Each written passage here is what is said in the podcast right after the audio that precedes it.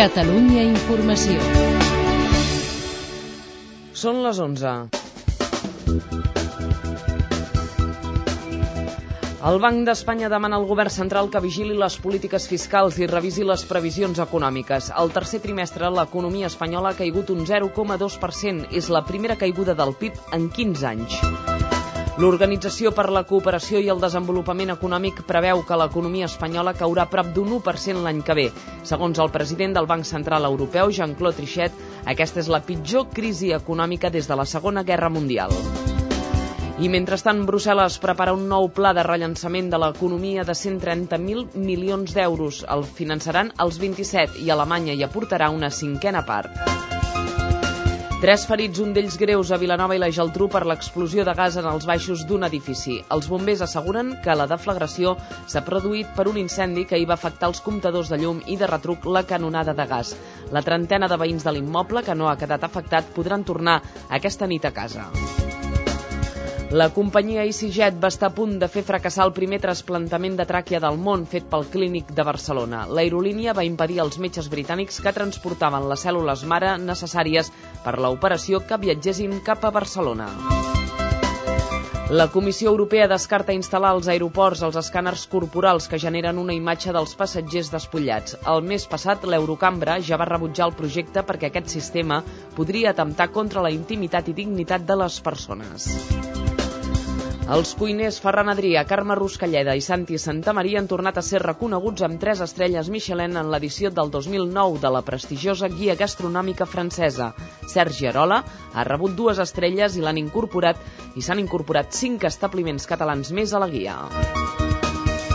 I el temps, cel clar aquesta nit amb l'excepció de les comarques fondes de l'interior on les boires es tornaran a imposar i persistiran demà al matí. La tramuntana demà ja no passarà de moderada i l'ambient aquesta nit serà d'hivern.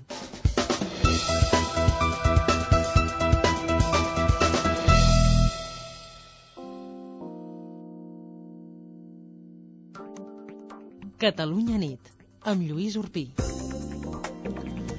Hola, molt bona nit a tothom. Ara passen dos minuts i mig de les 11 i comencem el Catalunya nit de Catalunya Informació parlant d'Artur Mas i de Josep Antoni Duran i Lleida perquè la reunió prevista entre els dos avui a Madrid finalment no s'ha dut a terme. Escoltem el raonament del líder d'Unió. No, no, no cap reunió, no, no hem de fer cap d'especial. Ens veiem, ara hem parlat, parlem sovint, no hi ha cap reunió específica, ni menys prevista per tal efecte, vull dir, no, no, no n'espereu cap de reunió avui en aquest sentit. Des de Convergència diuen que es farà la reunió la setmana que ve de manera més discreta i des d'Unió ho neguen, i tot plegat arran de la trobada entre les delegacions del PSC i d'Unió Democràtica. De seguida us ampliem i també us explicarem el que ha dit en Maria Eugènia Alegret sobre la renúncia de Baltasar Garzón a investigar els crims del franquisme. La presidenta del Tribunal Superior de Justícia de Catalunya, Maria Eugènia Alegret, creu que la justícia ordinària no podrà mantenir oberta la investigació. Avui a l'Espai mig quart parlarem amb el diputat de Convergència i Unió al Congrés, Carles Campuzano, i a la tertúlia, a més, comentarem l'actualitat amb els periodistes Josep Garriga i Maica Fernández. Abans de dos quarts de dotze arriben els esports amb Jordi Castanyeda. Jordi, bona nit. Hola, bona nit. Què ens explicaràs avui? Un parell de resultats. Lliga CB de bàsquet, Riga el Barça 70, Rico Manresa 57. Els blaugranes s'han imposat en aquest duel català de l'ACB. A la Lliga Sobal d'handbol, el Freaking Granollers ha perdut a la pista de la de Mar de Lleó per 34 a 25. Repassem tan sols tres resultats d'aquests amistosos de futbol internacional. Escòcia 0, Argentina 1. Maradona ha debutat com a seleccionador amb victòria, per tant, Alemanya 1, Anglaterra 2 i Espanya 1, Xile 0. Aquest partit acaba de començar en la seva segona part. Pel que fa al Barça, s'ha tornat a entrenar després de dos dies de festa que havia donat Guardiola als seus jugadors i l'Espanyol, Tintín Márquez, ha llançat un missatge d'optimisme, està convençut que salvaran l'actual situació. Molt bé, gràcies Jordi, fins després. Fins després. I ja sabeu que ens podeu fer arribar els vostres correus a l'adreça del programa catalunyanit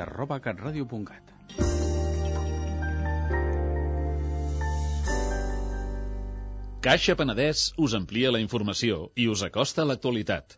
Les notícies més destacades a fons. Caixa Penedès. Persones al servei de persones. Ara passen pràcticament 5 minuts de les 11 de la nit. Artur Mas i Josep Antoni Duran i Lleida no s'han reunit avui a Madrid després de la cimera d'unió amb els socialistes de la setmana passada, de divendres passat. Tots dos han assegurat que no hi ha motiu per fer-ho perquè parlen sovint. L'expresident Jordi Pujol els ha demanat que amb tot plegat no donin opcions als que volen destruir la Federació de Convergència i Unió. Eva Godassa, bona nit. Bona nit. Mas i Duran han coincidit a Madrid en un esmorzar col·loqui protagonitzat per l'expresident Jordi Pujol i han assegurat que no pensen reunir-se. Josep Antoni Duran Lleida no hi veia cap motiu. No, no, no ha cap reunió, no, no hem de fer cap d'especial. Ens veiem, ara hem parlat, ens parlem sovint, no hi ha cap reunió específica, ni menys prevista per tal efecte, vull dir, no, no, no n'espreu cap de reunió avui en aquest sentit. Malgrat això, fons de Convergència Democràtica asseguren que la reunió es farà més endavant i de manera més discreta per treure solemnitat a l'assumpte, cosa que neguen des d'Unió Democràtica. L'expresident de la Generalitat i actual president de Convergència ha demanat a Mas i Duran que no facin el joc a l'adversari polític a ese terreno de centro que mucha gente quisiera ocupar y que nosotros, Convergencia y Unión, ocupa. Y bueno, es muy importante que nosotros seamos en ese sentido, nosotros quiere decir Convergencia y Unión, muy cautos, ¿no? Y que, por lo tanto, bueno, por su, nosotros mismos no les demos opción a los que desean esta destrucción de esta fuerza política, ¿no? Pujol creu que si el Constitucional tomba l'Estatut no cal caure en el conformisme. Els presidents de diferents tribunals superiors de justícia que s'han reunit avui a València no veuen gens clar que els jutges puguin investir, investigar els crims del franquisme. De fet, la presidenta del Tribunal Superior de Justícia de Catalunya, Maria Eugènia Alegret, afirma que la justícia ordinària no podrà mantenir oberta aquesta investigació a la qual ha renunciat Baltasar Garzón. Anem a València. Albert Calatrava, bona nit. Bona nit. La decisió de Baltasar Garzón d'enviar la causa de les desaparicions de la Guerra Civil i el franquisme a la justícia ordinària ha provocat controvèrsia entre els presidents de tribunals de justícia de comunitats autònomes i jutges de Gans. Tothom és conscient que es pot obrir una dispersió de resolucions, sentències totalment oposades. Alguns jutges arxivaran els casos i d'altres, en canvi, continuaran amb la investigació, ordenaran l'obertura de fosses comunes. Qui ho té clar és la presidenta del TCJ de Catalunya, Maria Eugènia Alegret. Diu que s'ha d'aplicar el criteri de l'Audiència Nacional. Sobta una mica és que si s'arxiva la causa en l'Audiència Nacional per, perquè els presumptes autors dels delictes que se suposa que s'han pogut cometre i que s'estaven valorant pel jutge Garzó, Garzón eh, pues han, han mort, pues han mort per, tota, per tot arreu. Si han mort a Madrid, també hauran mort per Barcelona, per Tarragona o per Càceres o Cuenca.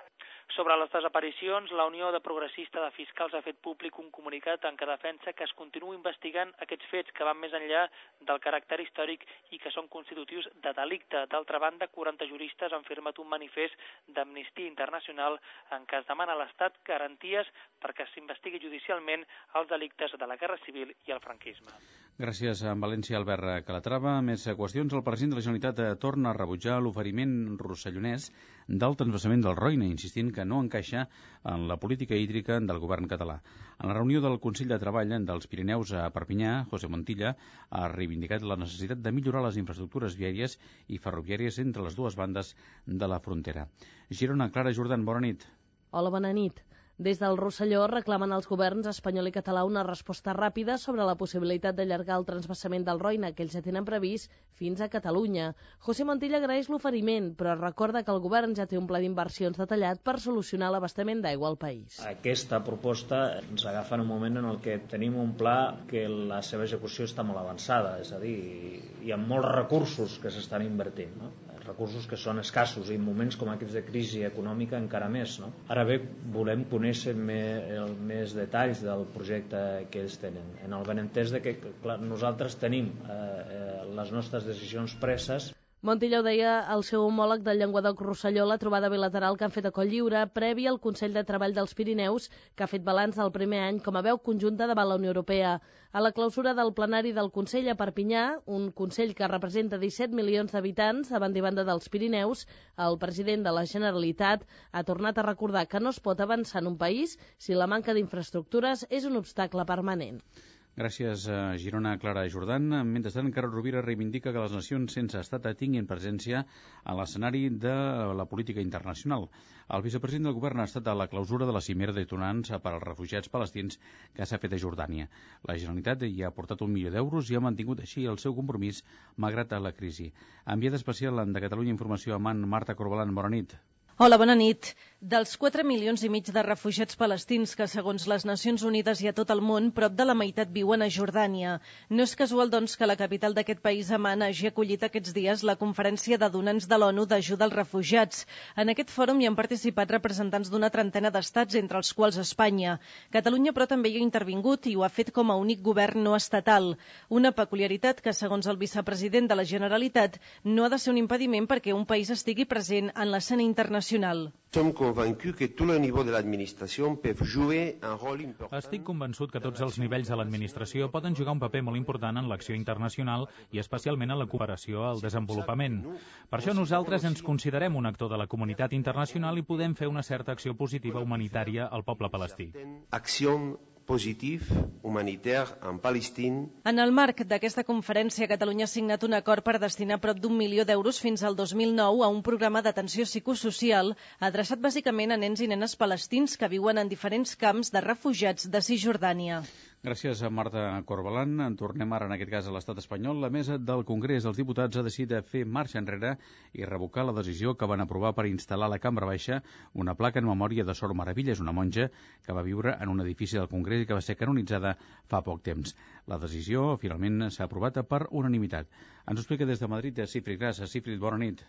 Hola, bona nit. L'oposició a diferents grups, entre els que hi ha molts diputats socialistes a la instal·lació de la placa, ha fet que el president del Congrés hagi convocat una reunió extraordinària de la mesa on han rebutjat col·locar-la. José Bono ha volgut deixar clar que no es volia molestar ningú. Las decisiones de la mesa, las decisiones del presidente, pueden ser erróneas, singularmente las mías, pero desde luego no están cargadas de mala intención contra nadie, sean cuales sean sus ideas, para molestar.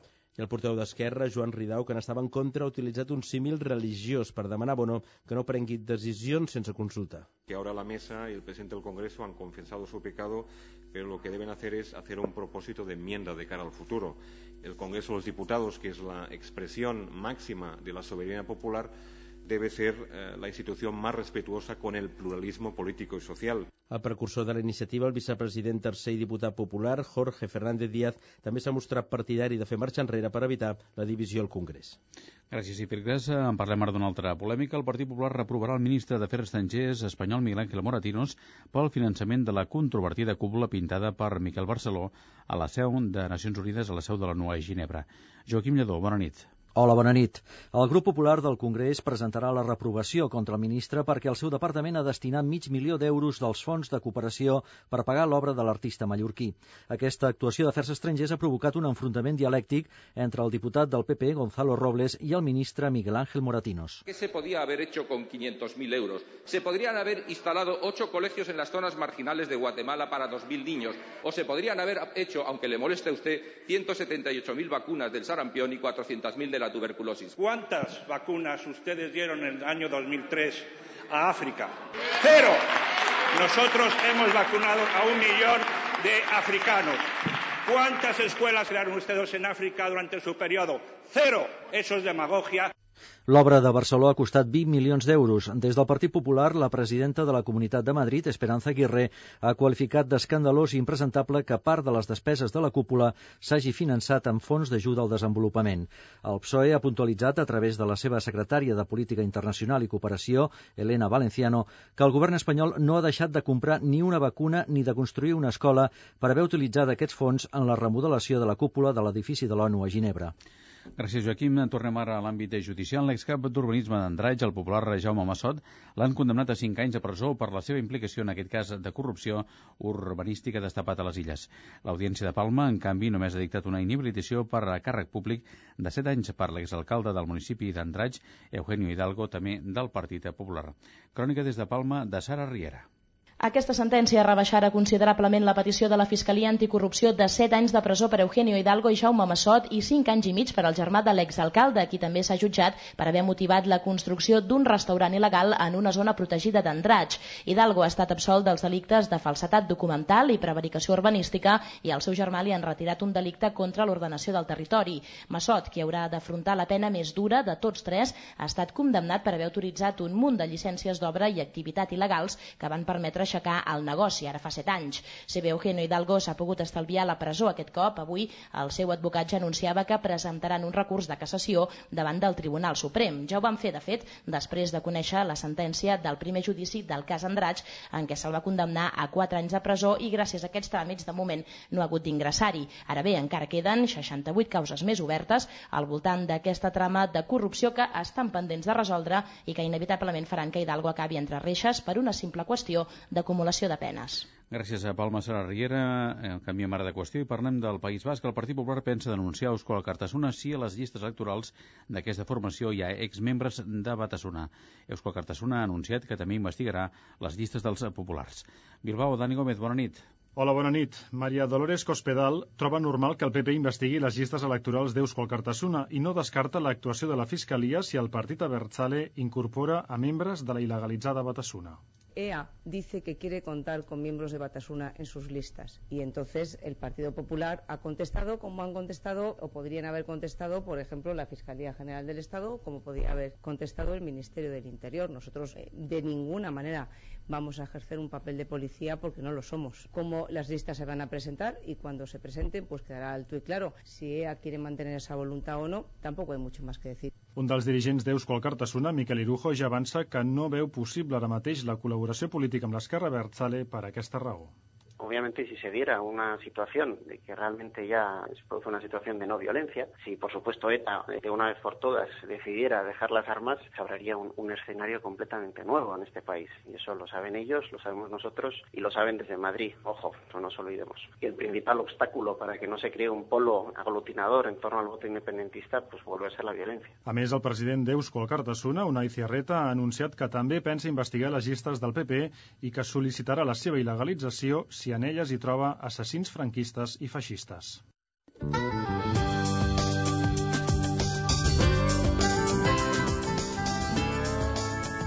Mig quart. Ara passen pràcticament dos minuts d'un quart de dotze. Avui el Catalunya Nit de Catalunya Informació ens acompanya des del nostre centre territorial de Madrid el diputat de Convergència i Unió al Congrés, Carles Campuzano. Senyor Campuzano, bona nit i benvingut. Hola, bona nit. Escolti, finalment no s'ha fet aquesta reunió entre Artur Mas i Josep Antoni Duran i Lleida perquè, segons eh, ha comentat el líder d'Unió, ho sentíem ara a l'informatiu, ells dos parlen sovint i no era necessària crec que la resposta que avui a Duran Lleida ha donat a Madrid quan se li ha preguntat en relació a aquesta possible reunió, que efectivament entre els periodistes havia generat una certa expectativa, doncs em sembla, em sembla raonable, no? Crec que no té cap mena de sentit ni d'interès continuar allargant el que no deixa de ser doncs, una, una polèmica puntual, que segurament té més valor per l'impacte que va tenir els mitjans de comunicació que no en si que no en si mateixa, no? I per respecte a la gent que ens vota i que segurament el que espera que de nosaltres avui a Catalunya i a Madrid és que ens oposem en allò que ens haguem d'oposar de, del que fan malament els governs català i espanyol i que proposem les alternatives que tenim, el millor que podem fer doncs, és aquesta, aquest episodi doncs, donar-lo per, per tancat i, i, fer, i, i fer allò que hem de fer eh? ser, ser, ser responsables i continuar construint l'alternativa la, política a Catalunya i defensant els interessos de Catalunya en el Congrés dels, dels Diputats. Em sembla que la gent que ens vota espera que fem, que fem aquestes coses i no massa, no massa més. No?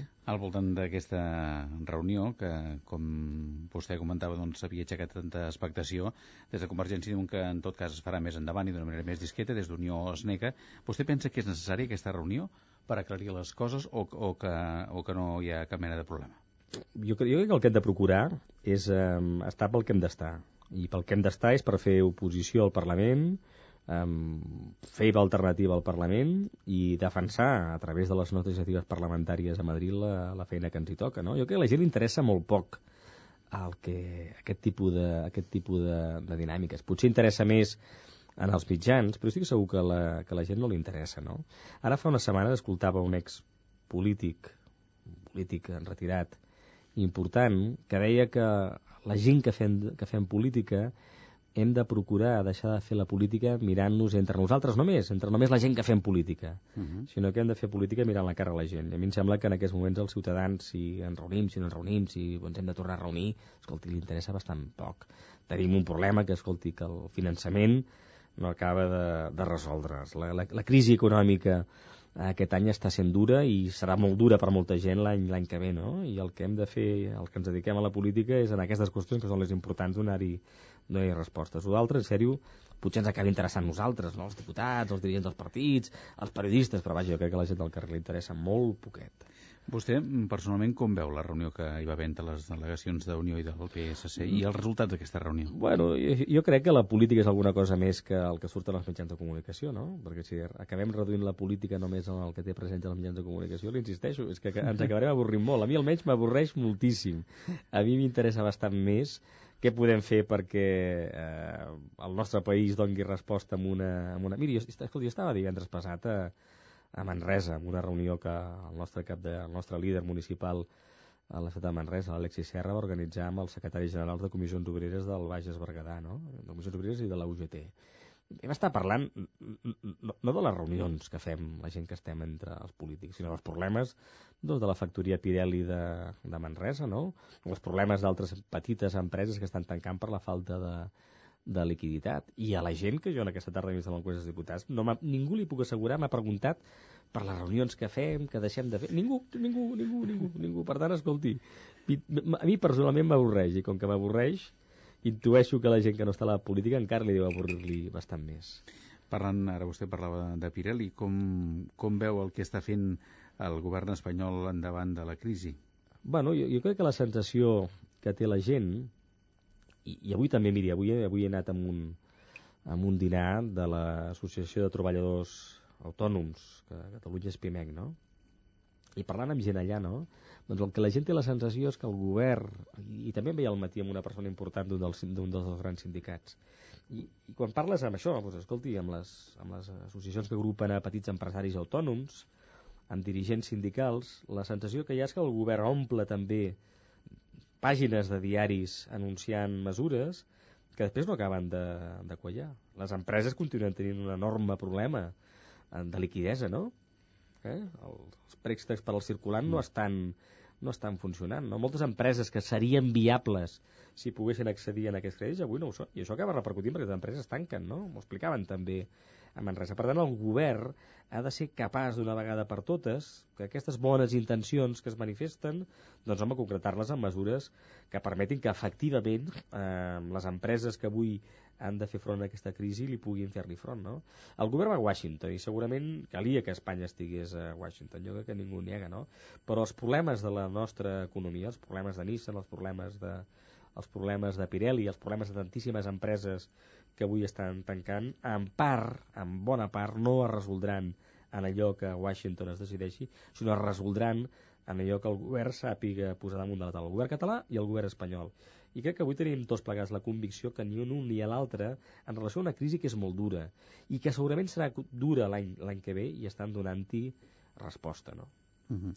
Parlant de, de qüestions econòmiques, però en aquest cas de diners de, de finançament, com veu les negociacions sobre el nou model de finançament? Miri, la sensació que tenim tots és que això d'aquí no pita, no?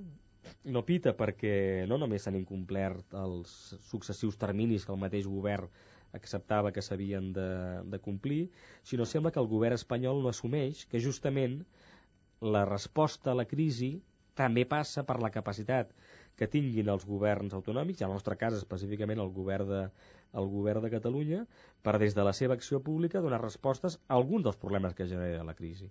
Per exemple, quan estem parlant d'infraestructures, quan estem parlant de que ha d'haver una resposta eficaç en matèria d'infraestructures per generar ocupació, per oferir oportunitats de feina a la gent que l'ha perdut en el sector de la construcció, per permetre a empreses que avui funcionen encara en aquest àmbit, doncs escolti, s'incompleix la disposició addicional de l'Estatut que contempla determinats nivells de finançament via, eh, via infraestructures o infraestructures compromeses en anys anteriors es continuen sense executar. O eh, quan determinats serveis que són bàsics per als ciutadans, com la sanitat i l'educació, funcionen encara en base del padró de l'any 1999. O sigui, quan a Catalunya hi havia un milió de persones menys. Quan donar resposta a aquestes qüestions pel govern espanyol no forma part de la resposta de la, de la crisi vol dir que no anem, no anem bé, no? I aleshores, clar, eh, esperem que sigui, que sigui discreció, no? però tampoc tenim la sensació que el govern de la Generalitat tingui la capacitat política suficient per donar el tom en aquesta situació. Diguéssim que els 25 diputats del PSC en el Congrés dels Diputats espanyol han desaprofitat la força que han tingut durant la tramitació parlamentària. El PNV i el BNG l'han sabut aprofitar en benefici dels seus, dels seus governs, en benefici del govern basc i en benefici del govern, del govern gallec. Aquí el, el PSC i els partits del tripartit no han estat capaços d'aprofitar especialment en el cas del PSC, que els seus vots eren determinants a l'hora de poder aprovar aquests, aquests pressupostos. I per tant, van passant les setmanes, eh, hem superat ja l'agost, eh, el 17 de novembre el que va pactar en Saura amb la de la Vega també s'ha s'ha superat i això té pinta de que no, de que no, de que el govern espanyol no té ganes d'incorporar la qüestió del finançament també en l'estratègia eh, per superar la, la crisi, la crisi econòmica. I és sorprenent perquè, miri, el govern ha construït part de la seva, de la seva posició política en relació a la crisi dient, escolti, nosaltres, malgrat la crisi, no retallarem la despesa social. Doncs miri, no complim el sistema de finançament, que vol dir donar no els diners que ens toquen per la gent que vivim ara a Catalunya, sinó per la gent que hi vivia l'any 99, suposa retallar la despesa en matèria de salut i la despesa en matèria de, en matèria d'educació. Eh, senyor Campuzano, m'acaben de passar ara mateix la, la portada del diari El Periódico, que hi ha una enquesta, és un baròmetre de GESO per aquest diari, que el titular és, diu Montilla eh, fiança la, la majoria, o reforça la majoria a l'equador del, del mandat. Diu que el tripartit aconseguiria entre 69 i 72 escons mm, i que Convergència i Unió mm, es manté com a primer partit i obtindria entre 52 i 54 escons al Parlament de Catalunya. Bé, doncs miri que tenim feina, no? Que tenim feina. Em queda encara temps per d'aquí a les eleccions i Convergència i Unió ha de continuar construint l'oposició i construint l'alternativa. La, I jo crec que tenim que si ens hi posem, que si som capaços de, de transmetre les ganes de que aquest país torni a tirar endavant, que aquest país torni a tindre a tindre a ser model, Miri, ara fa uns mesos, justament el president Pujol organitzava una reunió a Barcelona amb un grup de corresponsals estrangers. I aquest grup de corresponsals estrangers, de diversos mitjans de prestigi, deia, escolti, fa temps que Catalunya ha deixat d'explicar-nos històries que la resta d'europeus ens, ens interessin, no? i per tant, mirin, eh, en aquests moments no, no, no, el que passa a Catalunya en la política, en l'economia, no ens acaba de, no ens acaba d'interessar, no? Escolti, necessitem a Catalunya un canvi, un canvi que faci que aquest país torni a ser, que torni a ser model, que ho hem estat durant molts anys a Europa, Catalunya està en model de saber combinar identitat i d'obertura, de manteniment de la tradició i de modernització, de benestar i de progrés econòmic, no? I això no està passant ara. Per tant, escolti, la feina nostra, la gent de Convergència i Unió, és donar el tom a, al que, a aquesta situació i oferir una alternativa que, que permeti a aquest país superar aquest, aquest atzucat. Molt bé, senyor Campuzano, no l'acomiado perquè continuarà després en una, en sí, altra tertúlia. Fins Molt ara bé, mateix. gràcies.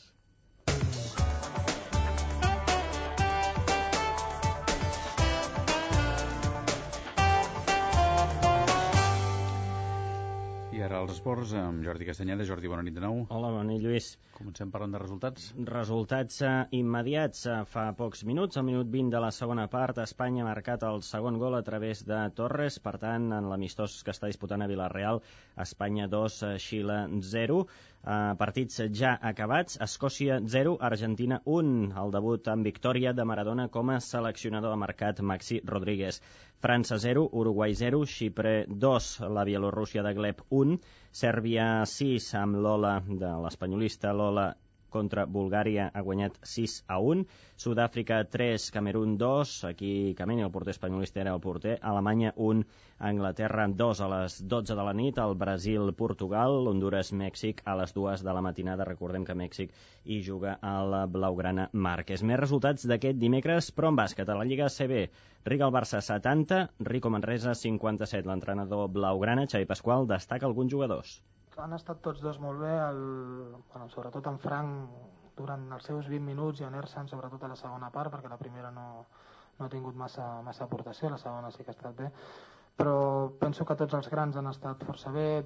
Demà, dos quarts de nou a l'Olímpic de Badalona, DKB Joventut, Tau de Vitoria. A la Lliga Asobal d'handbol, mal resultat pel Granollers. Ha perdut a Lleó. Ademar de Lleó, 33, Freaking Granollers, 26. En futbol, el Barça s'ha entrenat després dels dos dies de festa que va concedir Guardiola després de la sessió. Ha parlat Keita, que diu que encara s'està adaptant al joc del Barça. Par, par rapport à ma saison dernière parce que bon... No ho estic fent tan bé com la temporada passada, però s'ha de tenir en compte que hi ha un procés d'adaptació al nou equip, a una manera diferent d'entendre el futbol o a una altra ciutat. Tenint en compte tot això, la meva valoració és positiva, però també entenc que ho haig de fer millor.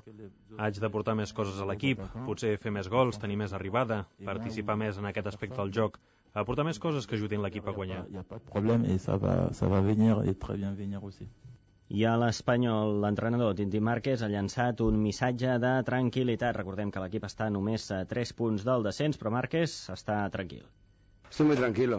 La verdad es que sigo confiando en los jugadores, sigo confiando, confiando en el trabajo que estamos haciendo y hay que continuar. O sea, no vale la pena lamentarse. Yo tengo que ser positivo y hay que continuar. Ha sido un palo muy duro la derrota del domingo, muy duro pero esto es así. Entonces hay que continuar y hay que mantener el tipo a las buenas y a las malas. I a la Fórmula 1 el català Pedro Martínez de la Rosa ha completat la segona jornada de proves aquest dimecres al circuit de Catalunya amb l'equip Force India, on tot apunta que correrà oficialment al Mundial de l'any que ve. Molt bé, gràcies Jordi, fins després. Fins després. Catalunya nit, amb Lluís Urpí. Ara és el moment de repassar algunes de les principals notícies d'aquest dimecres, 19 de novembre. Ho fem amb la Victòria Vilaplana. Victòria, bona nit, quan vulguis. Bona nit, Lluís. Doncs comencem amb una última hora sobre l'explosió de gas als baixos d'un edifici a Vilanova i la Geltrú aquest vespre, on, recordem-ho, portem dient, hi ha hagut tres ferits, un d'ells greus. Sembla ser que la deflagració s'hauria produït per un foc elèctric del dia anterior que hauria deteriorat la canonada de gas. Per tant, ja sabem la causa d'aquest sinistre. Hem parlat, evidentment, en crònica política de Mas i Duran, que ajornen la trobada prevista per avui a Madrid i prefereixen, diuen, reunir-se la setmana que ve de manera més discreta. Pujol els adverteix públicament que no entrin en el joc dels que volen fomentar la divisió de la Federació Nacionalista. També hem destacat que la presidenta dels jutges catalans creu que els tribunals ordinaris no podran investigar els crims del franquisme. Maria Eugènia Alegret diu que si el jutge Garzón constata que els suposats autors són morts, també ho diran els jutges de Catalunya. No podem passar per alt, evidentment, la notícia econòmica un dia més. El Banc d'Espanya demana al govern central que vigili les polítiques fiscals i revisi les previsions econòmiques. Al tercer trimestre l'economia espanyola ha caigut un 0,2%. És la primera caiguda del PIB en 15 anys. I també ens hem fet ressò, evidentment, de l'operació del clínic que ha fet amb èxit el primer transplantament de tràquea del món sense que la pacient s'hagi de medicar tota la vida per evitar el rebuig. Però atenció, una operació que va estar a punt de fracassar per la negativa de l'aerolínia EasyJet a transportar les cèl·lules mare amb les quals es va fer aquesta intervenció. Pel que fa al temps, cel clar aquesta nit, amb l'excepció de les comarques fondes de l'interior, on les boires es tornaran a imposar i persistiran demà al matí. La tramuntana demà ja no passarà de moderada i l'ambient aquesta nit serà d'hivern.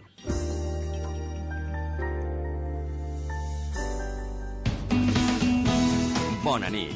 El número premiat del cupó diari celebrat avui és el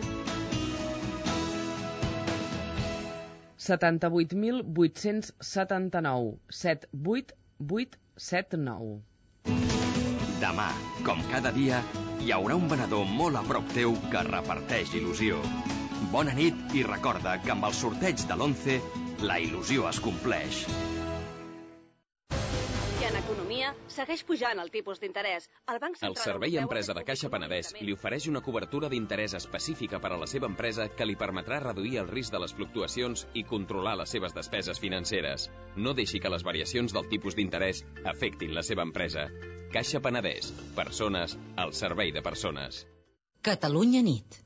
L'anàlisi de la política i els seus protagonistes a Catalunya Informació. Ara passen pràcticament 4 minuts en de dos quarts de 12 i ja sabeu que ens podeu fer arribar els vostres correus a l'adreça del programa catalunyanit.catradio.cat. Avui a la tertúlia, com us dèiem, continua amb nosaltres des de Madrid Carles Campuzano i ens acompanyen els periodistes Josep Garriga i Maica Fernández. Bona nit i benvinguts. Bona nit. Bona nit. Bé, d'entrada volen comentar alguna cosa del que ha dit el senyor Campuzano a l'entrevista?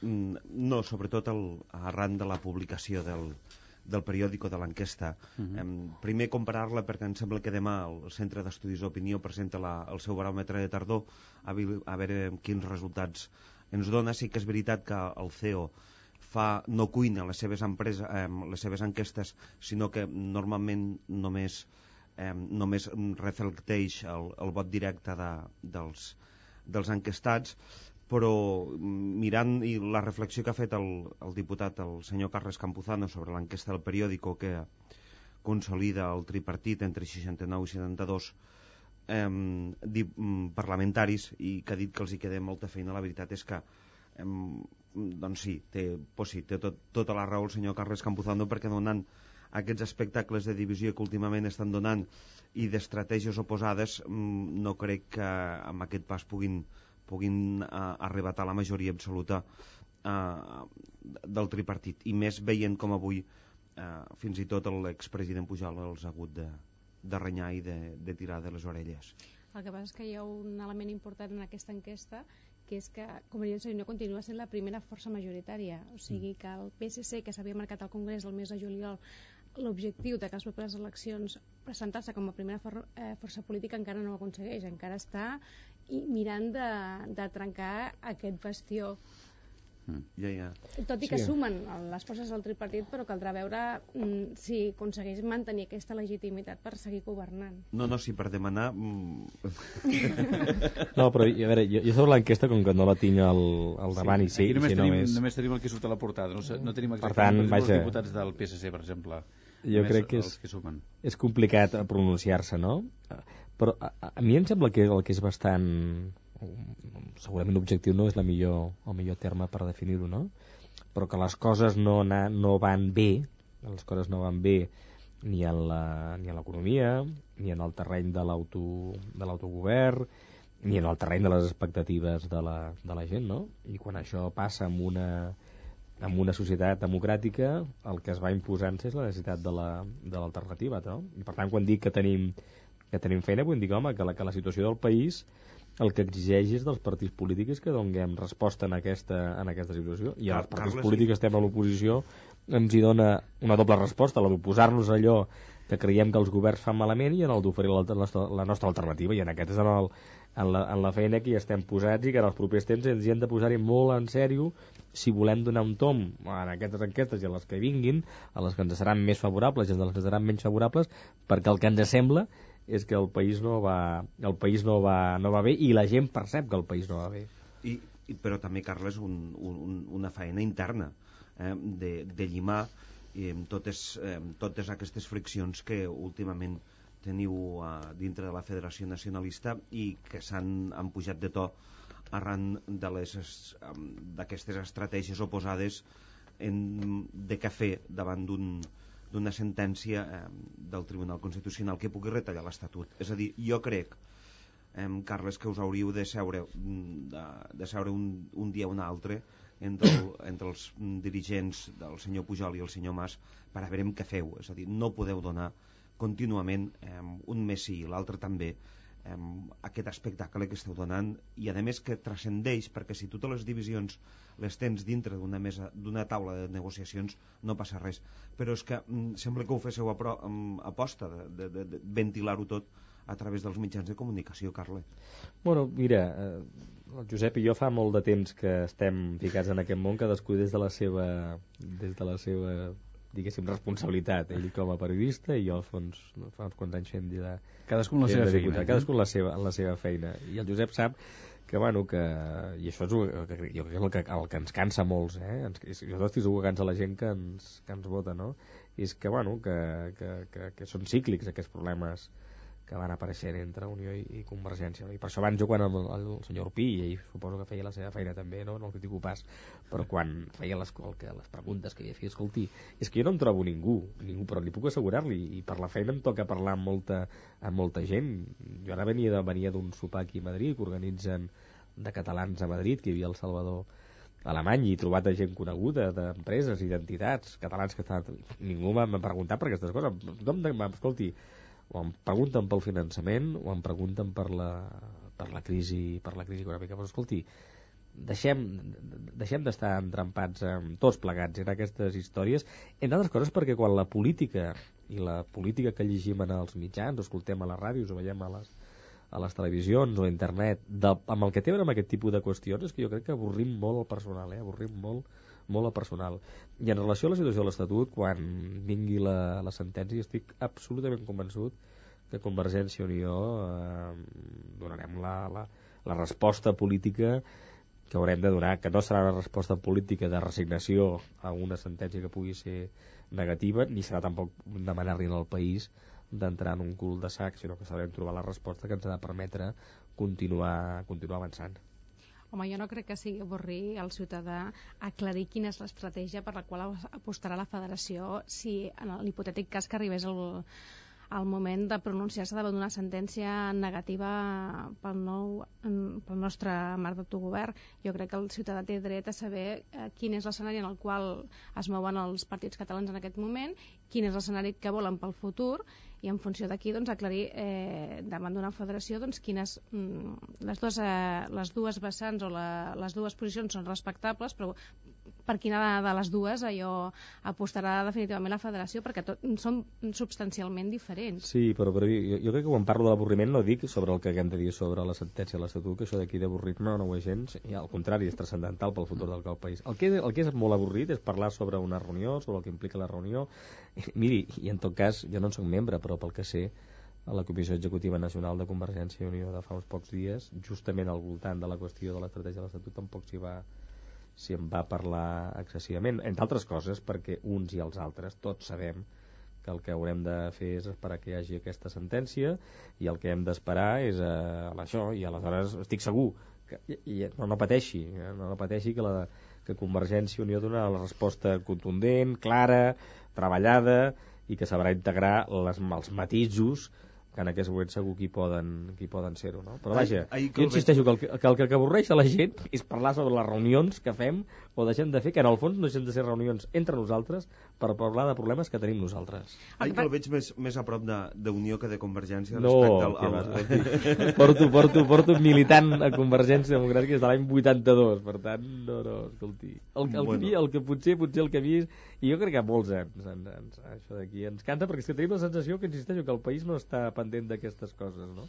Però ja que no li pregunten al sopar, en, en aquest que ha coincidit amb diferents um, catalans a Madrid, com el senyor Alemany, doncs, quan això ha vingut vostè a la tertúlia, perquè hi hagi dos periodistes ah, sí, que ja li sí, preguntessin sí, sí, sí, ja li preguntem sí, sí, ja, ja, ja, li, ja li preguntem per aquest però escolti, tema. senyor Garriga, a mi el que em passa? Mira, jo tornava aquest mes d'agost de, de vacances i estic, vaig comprar els diaris que compro habitualment i entre, entre ells els que vostès dos està, i treballen. I, i agafava les pàgines de política i deia, Déu meu, Déu meu, però, però no sortim del bucle. Eh? No sortir, la política catalana no aconseguim que surti d'aquest I els mateixos temes, pensava, no? I els mateixos sí, temes sí, que abans de l'estiu. Sí, sí, sí, sí. Home, els mateixos no, perquè jo no recordo imatges del president de la Generalitat i primer secretari del PSC entrant en la seu d'Unió Democràtica. No és un escenari que habitualment es sí, produeixi. Però, sí, però li puc, Escu... però li puc assegurar-li que en els bars de Barcelona no tinc la sensació que jo es parlés a la tarda del divendres sobre l'imatge aquesta, sincerament. Sem política, però no tinc la sensació que això fos el que li preocupés en el, en el, en el ciutadà, no? Tampoc és... Mm, tam, mm, a veure, jo quan vaig als bars tampoc sento parlar de, de sobirania... De la... Perdó. De la crisi sí que estem no, parlant, no? No, de la crisi sí. La crisi però, per sí. exemple, vale, vale, vale. al mes de juliol mm, jo sentia parlar de la crisi, per exemple, eh, quan anava als bars i vostès estaven en un congrés parlant de si eren més o menys sobiranistes. No, home, escolti... Perdoni que... Clar, no, home però en el Congrés parlàvem de moltes, de moltes coses, de la, de la més sobirania que aquest país necessita, entre altres coses, per donar resposta en aquesta, en aquesta crisi. No? Una, o sigui, una cosa és que siguem capaços, des de la política, de fer entendre que quan a vegades discutim de conceptes que no poden tindre una dimensió abstracta, aquests conceptes tenen a veure amb la vida quotidiana de la gent. I l'altra cosa és que al voltant de les dinàmiques, de les dialèctiques, de les històries que passen entre els partits o entre la gent que fem política, concentrem en això l'interès de, en l'interès mediàtic sobre la política. És que jo, sincerament, eh, a mi m'avorreix molt i intueixo jo que la gent que compra els seus diaris o els, o els escolta les ràdios o les televisions també li avorreix bastant, però vaja, és una opinió jo no m'haig dedicar a fer diaris ni a vendre'ls eh? potser segurament si ho fes ho faria molt malament no em vendria ningú, no ningú em llegiria o el director m'enviaria a corregir galerades Molt bé, eh, estem fent tertúlia al, al Catalunya Nit amb Carles Campuzano, Josep Garriga i Maica Fernández. Si li sembla bé, canviem, canviem de, de qüestió, perquè ja hem vist que el senyor Campuzano no té masses ganes de parlar d'aquesta no reunió i de la reunió que hi va haver la setmana passada que ha estat provocant tota aquesta, tota aquesta polèmica. Parlem d'una altra, altra qüestió. Com veuen eh, les paraules que, que ha dit avui Maria Eugènia Alegret, la presidenta del Tribunal Superior de Justícia de Catalunya, que creu que la justícia ordinària no podrà mantenir oberta la investigació pels crims del franquisme, i tot plegat arran de la renúncia ahir de, del jutge Baltasar Garzón. Quan, em sembla que quan va sortir l'auta del, del Baltasar, de, del jutge Baltasar Garzón sobre tot el tema del franquisme, l'obertura de les foses, la implicació o el processament eh, de tots aquests eh, militars de, del franquisme i fins i tot que preguntava al registre civil si el dictador Francisco Franco eh, s'havia mort. Ja vaig dir que era eh, un auta sense repercussions jurídiques i sense repercussions reals, que senzillament era un fer volar coloms més des del punt de vista mediàtic o de la repercussió mediàtica que pugui tenir el senyor Baltasar Garzón mm, que més que conseqüències jurídiques que, que al fi al cap, que al cap i a la fi hauria de tenir una, una decisió judicial com la, com la que l'ha pres el, el senyor Garzón, el jutge Garzón. I ara s'ha demostrat de que no serveix de res, de que senzillament, a part del tema de les foses,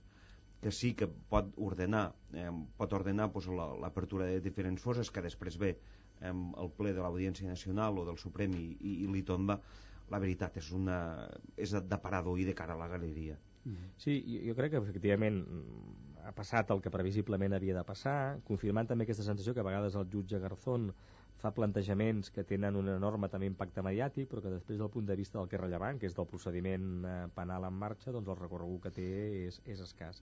I en canvi, per exemple, ens n'adonem, o no ho està fent, i en tot cas el Josep Garzón no, no, no ha aprofitat l'enrenou que ha generat per, per, per, per, per, per, per permetre que s'aprofiti, que és que la llei de memòria històrica contempla la possibilitat de que les persones eh, afectades d'alguna manera pel que van ser els judicis franquistes puguin procedir a la petició d'anul·lació d'aquests judicis, per exemple. No? Aquí hi ha una enorme camí a recórrer per fer, per, fer, per fer justícia i per donar resposta a moltes de les qüestions que, que, que, que hi ha darrere de la, de la demanda de, de, de recuperar la memòria històrica. No?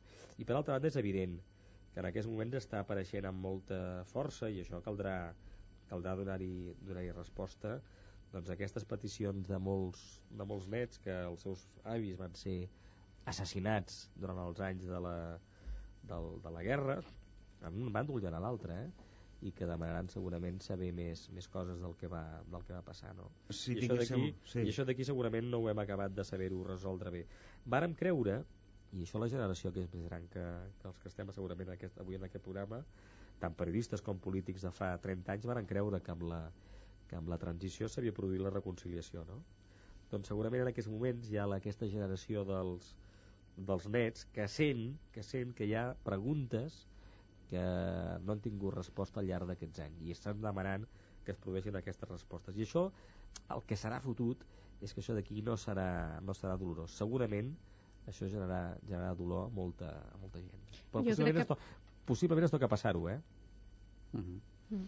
Jo crec que precisament el que ha intentat fer el magistrat Carzón és intentar donar resposta a totes aquestes famílies afectats o que, que li demanaven una solució, una sortida al, a les seves peticions de, bueno, de buscar el, els familiars desapareguts, eh, de reobrir les fosses, que fins ara era, han trobat moltes dificultats i jo crec que era un camí... Ell ha intentat conscient de la dificultat que això comportava, la, la dificultat legal i els entrebancs que la Fiscalia li ha portat, i ha intentat donar una resposta a aquests col·lectius, sabent precisament que potser no arribava fins al final, però que valia la pena intentar-ho. I jo crec que el cas no s'ha tancat, les, hi ha algunes associacions que ja han indicat que presentaran recurs i jo crec que és un tema que no s'ha d'oblidar o no s'ha d'aparcar.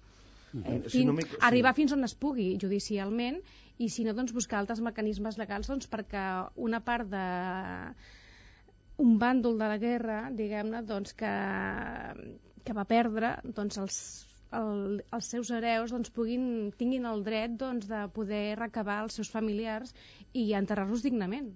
Uh -huh.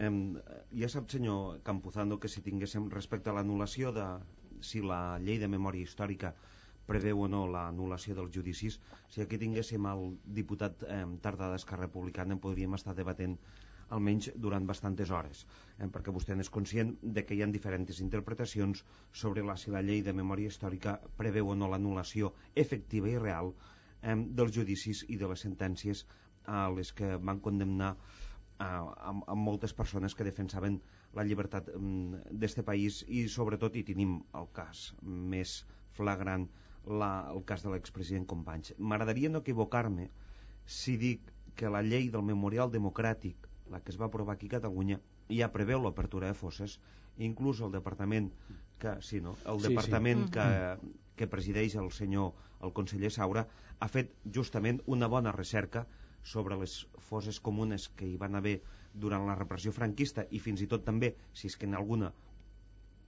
sobre l'activitat de la rereguarda republicana i es preveu sempre, em sembla que és sempre petició dels familiars afectats l'apertura d'aquestes fosses que jo crec que és per on passa l'apertura d'aquestes fosses que és sempre a petició dels possibles familiars i no que un jutge podríem dir discrecional o no discrecionalment ordeni la, la seva apertura. Sí, a veure, la, la, la llei estatal que no podia fer per una qüestió de, diguéssim, de, de principi jurídic fonamental a l'estat de dret és um, provocar l'anul·lació dels, dels, dels judicis com a tal.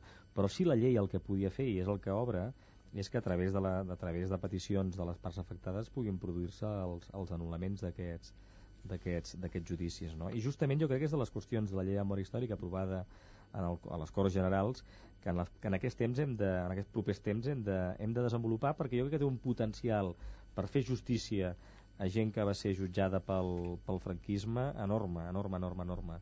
I crec que si en els propers mesos es posen en marxa alguns procediments d'aquestes característiques, segurament aquesta justícia individual eh, s'acabarà produint. I l'altra cosa és, evidentment, jo crec que sí, que en la qüestió de l'enterrar dignament en els morts que van ser assassinats a carreteres, que van ser afusellats en, en cementiris i que, i que estan en fosses comuns o que estan dispersos per, per qualsevol per qualsevol camp s'ha de, produir, de produir justícia que per tant és una de les... O sigui, ens vam creure fa 30 anys que això ho havíem resolt bé i és molt interessant rellegir-se els discursos dels dirigents de l'oposició anti, anti, antifranquista sobre el que es va fer fa, fa 30 anys i assumir que més enllà que els governs català o espanyol segurament eh, n'hagin buscat també algun benefici partidista a curt termini en aquesta, en aquesta, en aquesta història. El que és cert és que per la generació de gent que avui té al voltant de la quarantena d'anys hi ha coses hi ha coses que en, que, que en els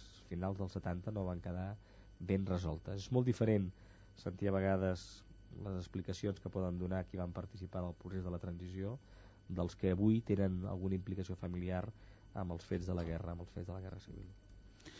Molt bé. Eh, ara el que farem serà repassar alguns dels titulars dels diaris de, demà en aquest cas en dijous eh, perquè la Victòria Vilaplana és aquí Victòria Hola, eh, nosaltres hem llegit només un titular que és el que sí. ens havies passat del periòdico de aquesta, fet és aquesta el, enquesta el més novetós mm. perquè ja ho heu dit no? heu parlat d'aquest baròmetre de Gesop per al periòdico on diu que Montilla afiança i referma la majoria a l'equador del mandat. Recordem que diu que el tripartit aconseguiria ara entre 69 i 72 escons, que ho es manté com a primer partit de l'oposició i que Mas redueix el seu pols amb el president. A banda, aquest rotatiu també destaca que Catalunya aguanta les estrelles Michelin, Recordem doncs, que entre aquestes estrelles hi han cinc restaurants eh, nous que entren amb una estrella. A banda, destaca també el rotatiu que els pirates de l'Índic aborden altres eh, tres eh, vaixells més en només 24 hores. Els, eh, la foto d'aquest diari és pels eh, nitxos eh, fotovoltaics.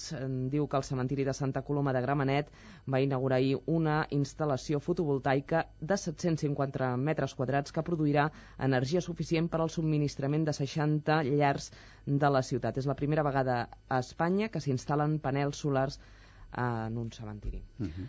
Uh, també destaquem el diari La Vanguardia que diu que el govern central admet que Espanya ja està en recessió, que el CAC defensa que cap emissora de ràdio privada ha perdut la veu i el president de l'organisme destaca la imparcialitat del procés de designació de noves freqüències i que Al-Qaeda amenaça Obama amb insults racistes. El diari avui obre la seva portada amb Siu amb Convergència i Unió, diu que Pujol renya Duran li retreu que faci el joc al PSC i presenti Mas i Convergència com a radicals. També destaca aquest rotatiu que mig milió d'apartaments turístics sense cap control a Catalunya i que Al-Qaeda també carrega contra Obama. Per tant, em sembla, si no m'equivoco, que coincideixen pràcticament amb el mateix eh, titular que un altre diari. El diari El País, el fort descens del consum accelera la caiguda en recessió, una fregata índia enfonsa el primer vaixell pirata i a les planes de Catalunya aquest rotatiu també destaca que el CAC reconeix pressions polítiques per adjudicar les emissores de ràdio.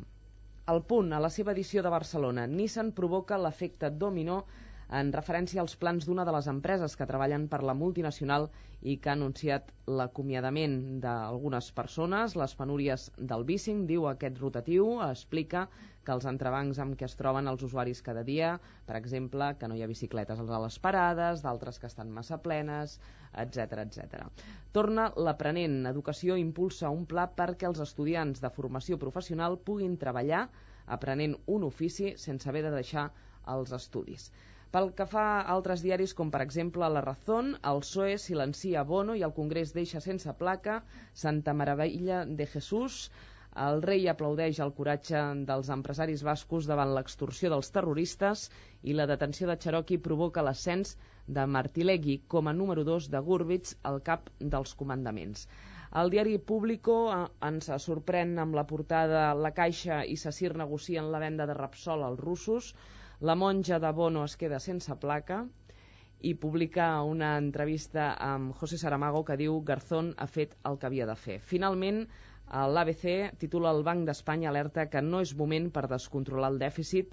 El PP denuncia la desaparició de gairebé un milió d'euros per la cúpula de Barceló i declaracions del rei davant els empresaris bascos. És possible guanyar la batalla ETA. Molt bé, gràcies, eh, Victòria. Eh, volen comentar algun dels titulars dels diaris de demà? Bueno, el senyor Campozanos encara es podria dedicar una mica al periodisme perquè mirant les, mirant les portades hi han dos diaris, concretament La Vanguardia i el, i el diari El País, que obren per la crisi econòmica, que segons ells és de l'únic que parlen als bars als bars d'aquest país. I m'agradaria fer-li una pregunta al senyor Campuzano, que és com, com se'ls hi va poder colar el tema de, la, de, de Sor Meravilles. Miri, no ho sé, jo en tot la monja. Me n'alegro, sí. jo me n'alegro de la decisió que avui ha pres la... I li parlo més a títol personal, eh? Crec que, crec que el president Bono no va, no va saber portar bé tot aquest, tot aquest procediment, no? I que per tant crec que és bastant més intel·ligent la decisió que s'ha pres avui que la que s'ha de prendre fa, unes, fa, fa, fa, uns, fa uns quants dies, no? Entre altres coses perquè la mateixa polèmica que, que, que ha generat no, no, no, no ajuda res ni al propi món ni al propi món catòlic no? i escolti, m'ha semblat també sentir que deia el mateix periòdico que Artur Mas fos reforçat davant del president Montilla no? l'enquesta aquesta sí, en reduís la distància en el seu pols amb el president és ah, un dels subtítols ja està bé, perquè de dormir més content i també que el, bueno, demà quan tinguem el, el diari eh, mirar exactament eh, la confiança que l'afiançament de la, eh, del mandat del senyor Montilla en teoria s'hi va a costa dels seus socis s'hi va a mhm. costa d'iniciativa i d'Esquerra Republicana. Republicana això ho haurem de veure quan tinguem totes les dades Aviam. i després el tema que hem de seguir eh, a veure exactament alguna, alguna informació més de aquesta qüestió que està a la Barcelona no? sí. perquè aquí també el govern espanyol ha mostrat molt poca, molt poca aparició és evident que aquests diners, aquests 500.000 euros d'aquesta pintura no podran ser compatibilitzats com a ajut oficial al desenvolupament. Els criteris del Comitè d'Ajut Oficial al Desenvolupament de l'OCDE no, no ho permet, però el govern ha demostrat molt poca perícia a l'hora de, a l'hora de gestionar aquesta, aquesta qüestió. S'ha equivocat si, aquestes, si aquests diners han sortit del, de les partides del, del FAT i s'ha equivocat més amb les explicacions que he vingut donant en relació a aquesta història. Això és entrar al fons de la qüestió, que és jutjar si calia o no calia finançar amb aquests diners aquesta, aquesta actuació de pintura. Perfecte, no tenim més temps. Fins aquí la tertúlia. Carles Campuzano, Josep Garriga i Maica Fernández. Gràcies, bona nit i que vagi molt bé. Molt bona, nit. Bona nit i bona hora.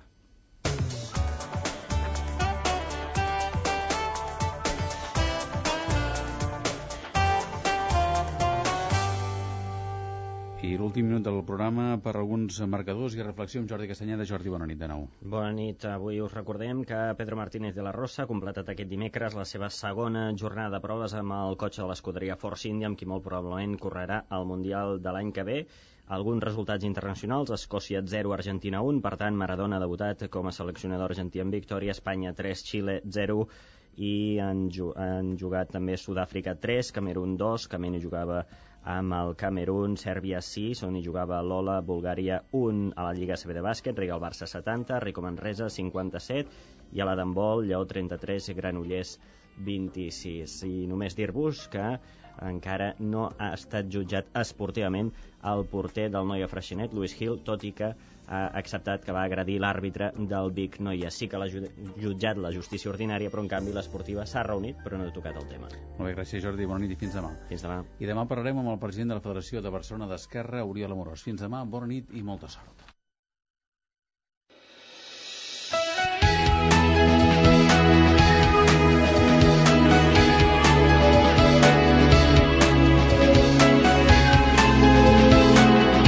Catalunya Informació. Són les 12.